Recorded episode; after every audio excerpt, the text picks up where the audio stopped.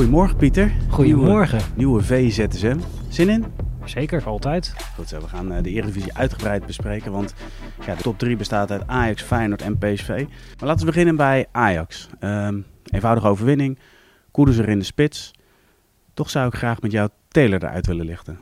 Wat voor indruk maakt Taylor op jou? Ja, geweldig. Ja, vind ik onwaarschijnlijk hoe snel hij zich uh, ontwikkelt en hoe compleet hij is. Normaal gesproken zie je bij spelers van zijn leeftijd dat ja, met name in het tactische, betrouwbare, waar ja. dan uh, trainers over praten, dat jij ja, iedere wedstrijd in ieder geval je taken uitvoert. Nou, dat dat vaak dan nog een probleem is. Uh, en dat ze wel exceptionele acties hebben, zoals nu in dit geval uh, dat doelpunt.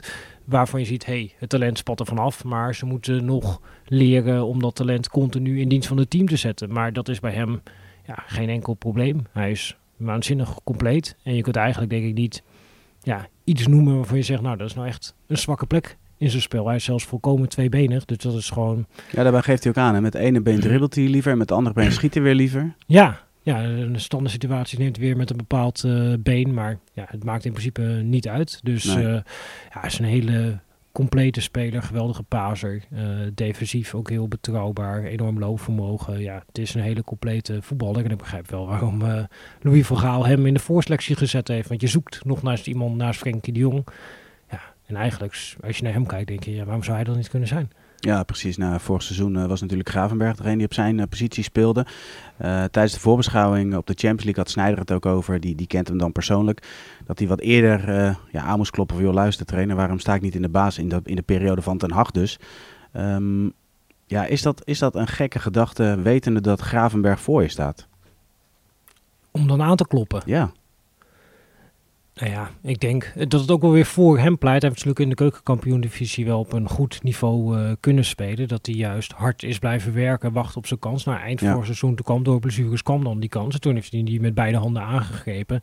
En nu is hij ondertussen al bijna niet meer weg te denken uit het elftal. En gaat het eigenlijk bijna op de andere plek om het middenveld tussen Steven Berghuis en Davy Klaassen, die tot voor kort samen het middenveld van Nederlands elftal vormden. Dus ja, dat, dat laat eigenlijk alles zien over de ontwikkeling die uh, hij heeft doorgemaakt. En ja, dat het misschien juist voor een jong talent ook wel goed is om soms even ja, te wachten op je kans, die feedback die je krijgt van die trainingen, je op te nemen, daarmee aan de slag te gaan. En dan als je de kans krijgt, te laten zien dat je het kan. En hij laat zien, hij kan het. Ja, maar hoe opvallend is dat? Want je, je zegt alsof het, alsof het normaal is. Uh, hij, in dit geval Kenneth Taylor en uh, Edson Alvarez, die zijn zeker van een plek op het middenveld. Nou, die andere positie moet dus ingevuld worden. Nou, je noemde net de naam al, Tadic heeft ook op het middenveld gespeeld. Maar dat het in korte tijd ja, zo is ontstaan, dat is wel echt opvallend. Ja, dat is heel opvallend. Maar dat, dat zegt alles over het niveau wat hij haalt uh, op die positie. Het is gewoon een hele complete middenvelder die heel zuiver is in de passing, met een gigantisch loopvermogen, tactisch waanzinnig intelligent. Ja, je, je kunt niet echt iets noemen wat hij niet heeft. En daarmee is hij dus de meest complete middenvelder van Ajax, zeg jij? Nou ja, in principe een middenveld, het gaat natuurlijk altijd over uh, balans. Zeker. En dan heb je natuurlijk uh, Edson Alvarez, nou dat is de puur defensieve middenvelder. Nou, dan zoek je vaak naar een soort van combi met uh, een ja, soort van dynamische middenvelder ernaast. En dan een meer creatieve middenvelder of meer juist een middenvelder die in de 16 komt, zoals ja. Davy Klaassen dat is. Maar ja, je, je hebt die combinaties en voor die rol die hij heeft, namelijk de ja, dynamische loper naast Alvarez, ja, daar is niet echt een ander type in de Ajax-selectie die diezelfde rol op een niveau kan vertolken, ja, zoals Kenneth Taylor dat kan. Dus als Alfred Schreuder kiest voor zo'n type speler, dan kiest hij automatisch voor uh, Kenneth Taylor. Ja, dan gaan we door naar nummer 2 in de Eredivisie, dat is Feyenoord. Kreeg Sparta op bezoek, uh, 3-0 overwinning. Uh, de laatste treffer wil ik graag met jou bespreken. Paxau, de, volgens uh, Sam Planting zou het een sensatie worden. Nou goed, dat gaan we steeds meer gaan we zien. Maar de voortekenen zijn hoopgevend. Maar ik vond vooral de afwerking van Jiménez wel echt van ja, klasse getuigen. Dat klopt. Ik begin een beetje uh, al langer het gevoel te krijgen dat dit zo'n strijd wordt zoals dat vorig jaar was tussen uh, Linsen aan de ene kant en Dessers aan de andere kant. Waarbij uh, ja, Jiménez meer de Dessers is. Echt een spit-spit die leeft voor doelpunten. Zag natuurlijk ook die penalty tegen ja, ja. Napoli. Dat je zegt, dan geef maar erbij, dan schiet ik het wel even in. Ja, de, deze man die doet alles om een doelpunt te maken en is heel goed in de 16, waar misschien in andere onderdelen van het spel dat Danilo nog uh, verder is. En dat wordt wel een ja, hele leuke concurrentiestrijd. En je gaat waarschijnlijk wel zien dat die twee, die gaan elkaar echt naar grote hoogte stuwen. Ja, maar dat was wel interessant, hè? want Slot is natuurlijk een, een trainer die wil uh, dominant en aanvallend voetbal spelen. Dan, zou, dan zou je zeggen van nou, Danilo is meer de spits die tussen linies heel goed kan bewegen en Jiménez is echt het eindstation. En dat zag je ook wel tegen Sparta terug, dat hij langer weg blijft en gewoon echt inderdaad aanst op die, op die goals. Dat klopt. Ja, Danilo natuurlijk uh, ook bij Ajax opgeleid en die heeft dat combinatiespel heeft die, uh, onder controle. Maar dat was natuurlijk vorig jaar met Linse ook, dat, dat ja. gedeelte van het spel ja, was eigenlijk Linse beter in dan in Dessers. Alleen als je maar genoeg scoort, dan kom je er vanzelf in. Ja, en we hadden een opvallende rol voor Dilro Sun. Hoe uh, vond je dat hij het deed? Ja, deed hij oké. Okay. Hij heeft natuurlijk vaker gespeeld uh, eerder in zijn carrière al. En ook al uh, eerder bij Feyenoord. Speelde er ook een gedeelte van de tweede ja, helft. Hij speelde op 10 hè, tegen Sparta. Ja, hij speelde inderdaad op 10. Maar ja, dat had ook niet zo heel veel te maken met dat het een keuze was uit luxe. Of dat het een keuze was van we gaan wat aanvallends doen. Maar dat was meer ja, wat anders. Uh, omdat uh, ja, die komt natuurlijk vanuit uh, Argentinië. Ja, die is nog niet klaar eigenlijk om te spelen. Ja. En Simanski is geblesseerd uitgevallen. Dus ja, zoveel smaken waren er niet. Dus ja, moest hij daar spelen. Nou ja, ja, dat vult hij in. Maar ik vind hem beter aan de zijkant. Ja, eens. Alleen soms, soms ontstaan dingen uit nood. Is het wel iets waar Slot vaker op terug zou kunnen vallen? Ja, ja. Met name denk ik eigenlijk, ja, wat, wat hij daar goed doet in mijn ogen, is dat in ieder geval ja, zijn defensieve taken en dergelijke, dat hij dat op een goede manier uh, vervult. Maar ik vind niet dat zijn ja, wapens, wat met name zijn snelheid is en zijn individuele acties, ja, die komen ja. er eigenlijk helemaal niet goed uit daar uh, op nummer 10. En dan moet hij meer voor uitwijken naar de zijkant. Dus ik vind niet dat dit uh, zijn beste positie is. Dus ik zou zeggen, zodra het kan, terug naar de vleugel. Nou, ik ga ervan uit dat Arne Slot meeluistert en dat hij dit uh, meeneemt kan niet anders. in het vervolg van het seizoen. dan gaan we door naar de nummer 3 PSV. Ja, het is, het is heel simpel. Daar gaat het in, ja, eigenlijk de hele zondag ging het daarover. Is het wel of geen strafschop? Pieter Zwart, wat is het?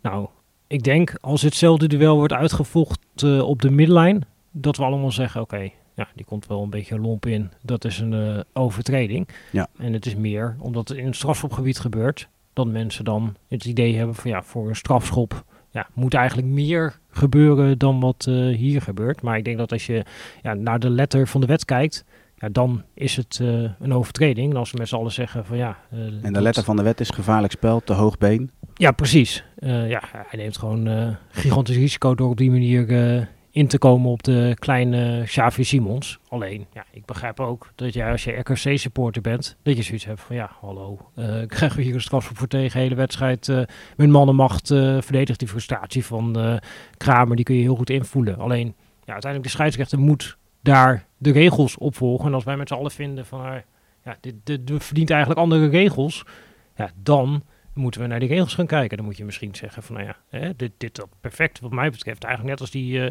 penalty situatie ook met Goezeboeien vorig jaar tegen Feyenoord. Ik vind een indirecte vrije trap in de 16 is ook een prima optie vinden om toe te voegen. Omdat ik vind vaak dat het ja, vergrijp uh, zoals in dit geval ja. de overtreding niet in verhouding staat tot de straf, een strafschop en dat je die wedstrijd uh, verliest. Dus nou, dat, dat, uh, dat, dat zou een goede toevoeging zijn wat mij betreft. Alleen ja, die scheidsrechter kan onmogelijk een indirecte vrije trap geven als op dat moment dat niet de spelregels zijn. Het enige wat hij kan doen is de spelregels uitvoeren en dat heeft hij volgens mij naar eer en geweten gedaan. Nou, laten we hopen dat in dit geval ook de KNVB meeluistert met deze podcast en deze video. Nou ja, er moeten en dat tussenoplossingen ingevoerd worden. Hele oude mannetjes in Engeland namens de Ach, IFAB, ja. die, die kunnen dit uh, besluiten. Dus ik weet niet of die ook naar uh, VZ's hebben luisteren. Nee, nou, we gaan het, we gaan het meemaken. Um, wat we wel kunnen stellen, Van Nistelrooy het wel gelijk. Hè? Dit is geen makkelijke tegenstander. Nee, geen makkelijke tegenstander. Het is natuurlijk oprecht zo dat, dat uh, RKC wel een goed georganiseerde ploeg is. En ja. dan, ja, dat, dat klinkt een beetje flauw, maar moet je ook een beetje meezetten. Er ging zoveel bal op de paal, op de lat.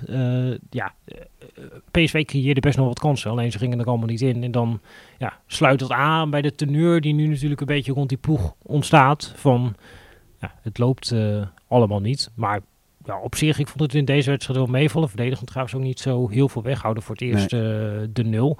Alleen omdat het roepen dan heel lang uitblijft, dan ja, wordt het idee over zo'n wedstrijd uh, wordt anders dan wanneer alle ballen die nieuw op de lat gingen onderkant lat uh, waren gegaan. Eens, maar we moeten hem ook omdraaien. In de slotfase pak even minuut 80 met Kramer, die normaal gesproken echt wel wat dodelijker is in de 16. Had het zomaar andersom kunnen zijn, Dat toch? is zeker zo, dat is zeker zo. Ja. Dat, uh, ja, dat blijft natuurlijk een manco van dit PSV, dat ze te veel kansen weggeven en dat die verdediging nog veel te kwetsbaar is. Helemaal eens. We gaan uh, een bruggetje maken naar uh, de rubriek meest gelezen op vi.nl. Want anders gaan we van PSV ergens anders en weer terug naar PSV. Want we blijven in Eindhoven. Okay. Want Fase was ontzettend boos. Met name op Xavi Simons. Hoe heb jij naar die reactie gekeken? Ja, eh, ik was ondertussen alweer doorgeschakeld naar uh, Twente eh, AZ. Maar ik heb natuurlijk wel meegekregen wat er een beetje gebeurde. En ja, ja, iedereen bij RKC was boos. En hij was met name was hij, heel erg boos, deze keeper. Het, ja. nou, het schijnt ook wel een beetje een bloedzuigertje te zijn op het veld als je de verhalen hoort, uh, überhaupt fase. Was dus, dat terug te zien, denk je? Nou, ik denk dat dat wel terug te zien. hij is in ieder geval nou, emotioneel ja. fase. Ja, ja, boos, penalty, ja. Het, het, uh, het, is een beetje het ritueel wat er volgens mij uh, bij hoort als in zo'n slotfase ja, zo'n beslissing komt die ja, controversieel is, waarvan je bijna zou kunnen zeggen, nou het is bijna 50-50, want je kunt hem ook ja, ja. niet geven en dat, dan valt daar ook wat uh, voor te zeggen. En als je dat dan tegenkrijgt, ja, dan ben je doodziek. En dat was uh, Fase ook. Ja, precies, want hij gaf zelfs nog aan, ik volg het voetbal en dit is een goed makertje. Ja, dan gaat hij wel ver, toch? Ja, die, die, suggestie legt de Kramer er ook al in. Ja, dat is natuurlijk het hele lastige voor Boeien. Wat dat betreft is denk ik ook uh, niet te benijden. Want als hij weer tegen PSV fluit, ja, dan uh, krijgt hij heel Eindhoven over zich heen. En als hij dus dit geval een strafschop geeft aan PSV, dan denkt heel Nederland... Ja, dat doe je alleen maar uh, als goedmakertje voor destijds. Dus ja. ja. die kan er niet goed doen eigenlijk in wedstrijden voor PSV. Maar het belangrijkste is, we moeten de situatie beoordelen, niet de geschiedenis. Uh, wij gaan nu door naar uh, Barcelona. Gaan we heel kort bespreken, want uh, straks hebben we natuurlijk weer alles in het rondje langs de buitenlandse velden. Mm -hmm. Op VPRO en op YouTube gaan we natuurlijk uitgebreid in op een specifiek thema. Dat doen in dit geval Ruben en Suleiman. Wat ik wel kort met jou wil bespreken is Barcelona, waarbij er waren baasplaats voor Memphis en Frenkie. Goed nieuws voor Vergaal. Er was een doelpunt voor Frenkie de Jong. Um, maar ja, het ging vooral om het welzijn van de supporter, waarbij gelukkig op de terugweg uh, tenminste, ja, de route naar het ziekenhuis was er weer een hartslag. Dus dat is ja. het mooiste nieuws natuurlijk uh, vanuit, uh, vanuit daar. Maar hoe heb jij naar die beelden gekeken? Nou ja, een geweldige heldenactie van de keeper. Dat, ja. ja, het viel natuurlijk gelijk met Ajax. Dus zat in principe zat ik Ajax te kijken. Maar die later ziet natuurlijk die beelden van die wedstrijd en wat die keeper daar doet. Ja, dat, dat zijn bijzondere momenten. En het is vooral fijn dat het dan uiteindelijk voor alle partijen hè, een goede afloop heeft. Ja, precies. Dat is ook het mooiste nieuws uit die wedstrijd. Daarbij gaan wij het ook laten. Uh, zoals gezegd, het rondje langs de buitenlandse velden gaat uitgebreid besproken worden. Dan hebben we nog over... Um, ja, het meest gelezen bericht op uh, eh, VE-Pro, het verhaal op VE-Pro. Mm -hmm. Dave Albers is altijd blij als we op maandag uh, zijn nanoemen, want hij is natuurlijk de man van de, de weekendverhalen. Maar ik vond dit wel echt een, een leuk verhaal. Het gaat over uh, Tiga Douini, een begenadigd buitenspeler die vanuit Nederland naar Malaga ging. Daar ja, eigenlijk de verkeerde voorzitter trof en waarop zijn loopbaan drastisch veranderde. Um, ik heb vier topics eruit gehaald en wil, mag jij kiezen wat we gaan bespreken. We hebben het, uh, ja, de ontmoeting met Ronaldo, uh, de 15 kilo die hij inmiddels kwijt is, voorzitter Francesc Arnau of uh, ja, de periode van corona met Tigadouini. Laten we de 15 kilo dan pakken. De 15 kilo. Want Dave die is in de sportschool in Rotterdam. Die kijkt hoe hij daar uh, tekeer gaat. En dan, en dan lees je een stukje dat hij dus volle bak moet sporten. Dat hij even weg is. Over zijn nek gaat. Maar vervolgens weer even twee knipperen met zijn ogen. En weer volle bak gaat. Dus daarin lees je wel terug. Die jongen wilde nog alles aan doen. Om te laten zien hoe goed hij kan voetballen. Want, en dat hebben we uh, allemaal ja, gezien hè, bij NAC. Dat was een ongelooflijke voetballer die, ja, als je de bal gaf, kon die dingen doen ja, die bijna niemand anders op een voetbalveld ja. uh, kan doen met de bal. En ja, het is altijd zonde. Bakalli zagen we natuurlijk ook. Het valt voor mij een beetje in dezelfde categorie. Die zie dan weer invallen bij RKC. En dat, bij dat soort jongens is altijd zo ja, doodzonde als dan niet eruit komt wat er eigenlijk in zit. Dus ik ja, hoop heel erg dat hij weer echt fit wordt. Dat iemand hem een kans geeft. En dat hij desnoods op uh, KKD-niveau. Dat we weer zien ja, hoe goede voetballer hij kan zijn. Ja. Want dat, uh, ja, dat, dat, zijn wel de spelers waarvoor je uiteindelijk naar het stadion komt. Ja, het Adriaanse zei destijds, volgens mij toen de bij FC Twente zat, van ja, een ideale versterking voor PSV. En dan zie je dus hoe een loopbaan baan kan lopen, weet je wel. Dat het dan toch, hij, hij maakt heel veel indruk bij Malaga. Volgens de verkeerde voorzitter, ja, tragisch eigenlijk, hè?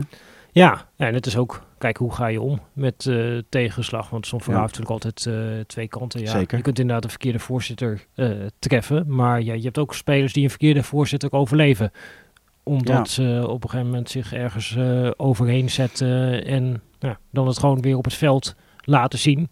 Uh, en ja, je hebt ook een categorie spelers, ja, die, die is afhankelijk van ja, eigenlijk toevalligheden van ja, misschien een keer een concurrent die op het juiste moment geblesseerd ja. raakt, waardoor jij de kans krijgt, die kans grijpt en dan in één keer ja, jouw carrière er is, uh, of het omgekeerde. Ja, en ondanks al zijn voetbaltalenten, ja, zit hij ook in die categorie. Absoluut. Dus ja, je, je, je hoopt dat hij het weer op de rit kan krijgen. Maar met name de passage met de voorzet is wel echt de reden dat je dit stuk moet lezen. Zeker, dus ja. ga naar VE Pro en lees dat stuk van Dave Albers. Ja, en als je dan toch een VE Pro bent, Pieter, vanochtend online, wat kan Ajax van Liverpool verwachten? Waar moet, moet Schreuder echt rekening mee gaan houden? Nou, het was uh, één grote puinhoop tegen Napoli op alle onderdelen waarvan je normaal gesproken zegt, daar is Liverpool heel erg goed in. Dus nou, direct druk zetten bij balverlies. was geen enkele sprake van het, ja, de linies kort op elkaar houden, in het uh, verdedigen, uh, een logische structuur in het aanvallen. Ja, eigenlijk alle elementen die jij associeert met Klop, die waren non-existent tegen Napoli. Alleen, eh, ze waren ook wel, als je een beetje de geluiden hoorde, enigszins in paniek bij uh, Liverpool na wat er gebeurde tegen Napoli. Juist omdat ja, alles waar ze al jaren op trainen, dat het in één keer ja, als sneeuw voor de zon uh, verdwenen was. Ja, ik denk dat zij stiekem best wel blij waren dat Queen Elizabeth op 96-jarige leeftijd is overleden. Want ze hebben nu gewoon een week gehad om ja, te trainen, de puntjes op de i te zetten. Nou, Thiago bijvoorbeeld, wat natuurlijk een cruciale speler is in hun voetbal, die is een half uur ingevallen tegen Napoli. Je zag meteen dat ja, alles ook beter ging draaien op het moment dat hij uh, binnen de lijnen kwam. Ja, dikke kans dat hij misschien wel weer kan starten tegen Ajax. En dan krijgen we weer een heel ander uh, Liverpool te zien. Dus ja. Uh, ja daar ben ik wel ja, nieuwsgierig naar. Van, ja, kunnen ze zichzelf weer oprichten. Ehm, en ik, ja, ik denk dat zij een totaal ander gezicht gaan laten zien tegen Ajax dan dat ze tegen Napoli hebben laten zien. Het enige wat denk ik wel Ajax-supporters nog een vorm van hoop mag geven, is dat uh, conditioneel lijkt er iets totaal mis te zitten bij dit Liverpool-team. Uh, en dat, uh, nou ja, dat, dat biedt voor Ajax wel kansen, denk ik. Oké, nou Pieter, we gaan het volgen. Jongens, dit was de VZSM van maandag. Morgen zijn we weer terug met een nieuwe VZSM. Maar uiteraard ook al het nieuws rondom Ajax. En later in deze week ook PSV, Feyenoord en AZ in Europa. Voor nu bedankt voor het kijken en voor het luisteren. En tot de volgende VZSM. Doei!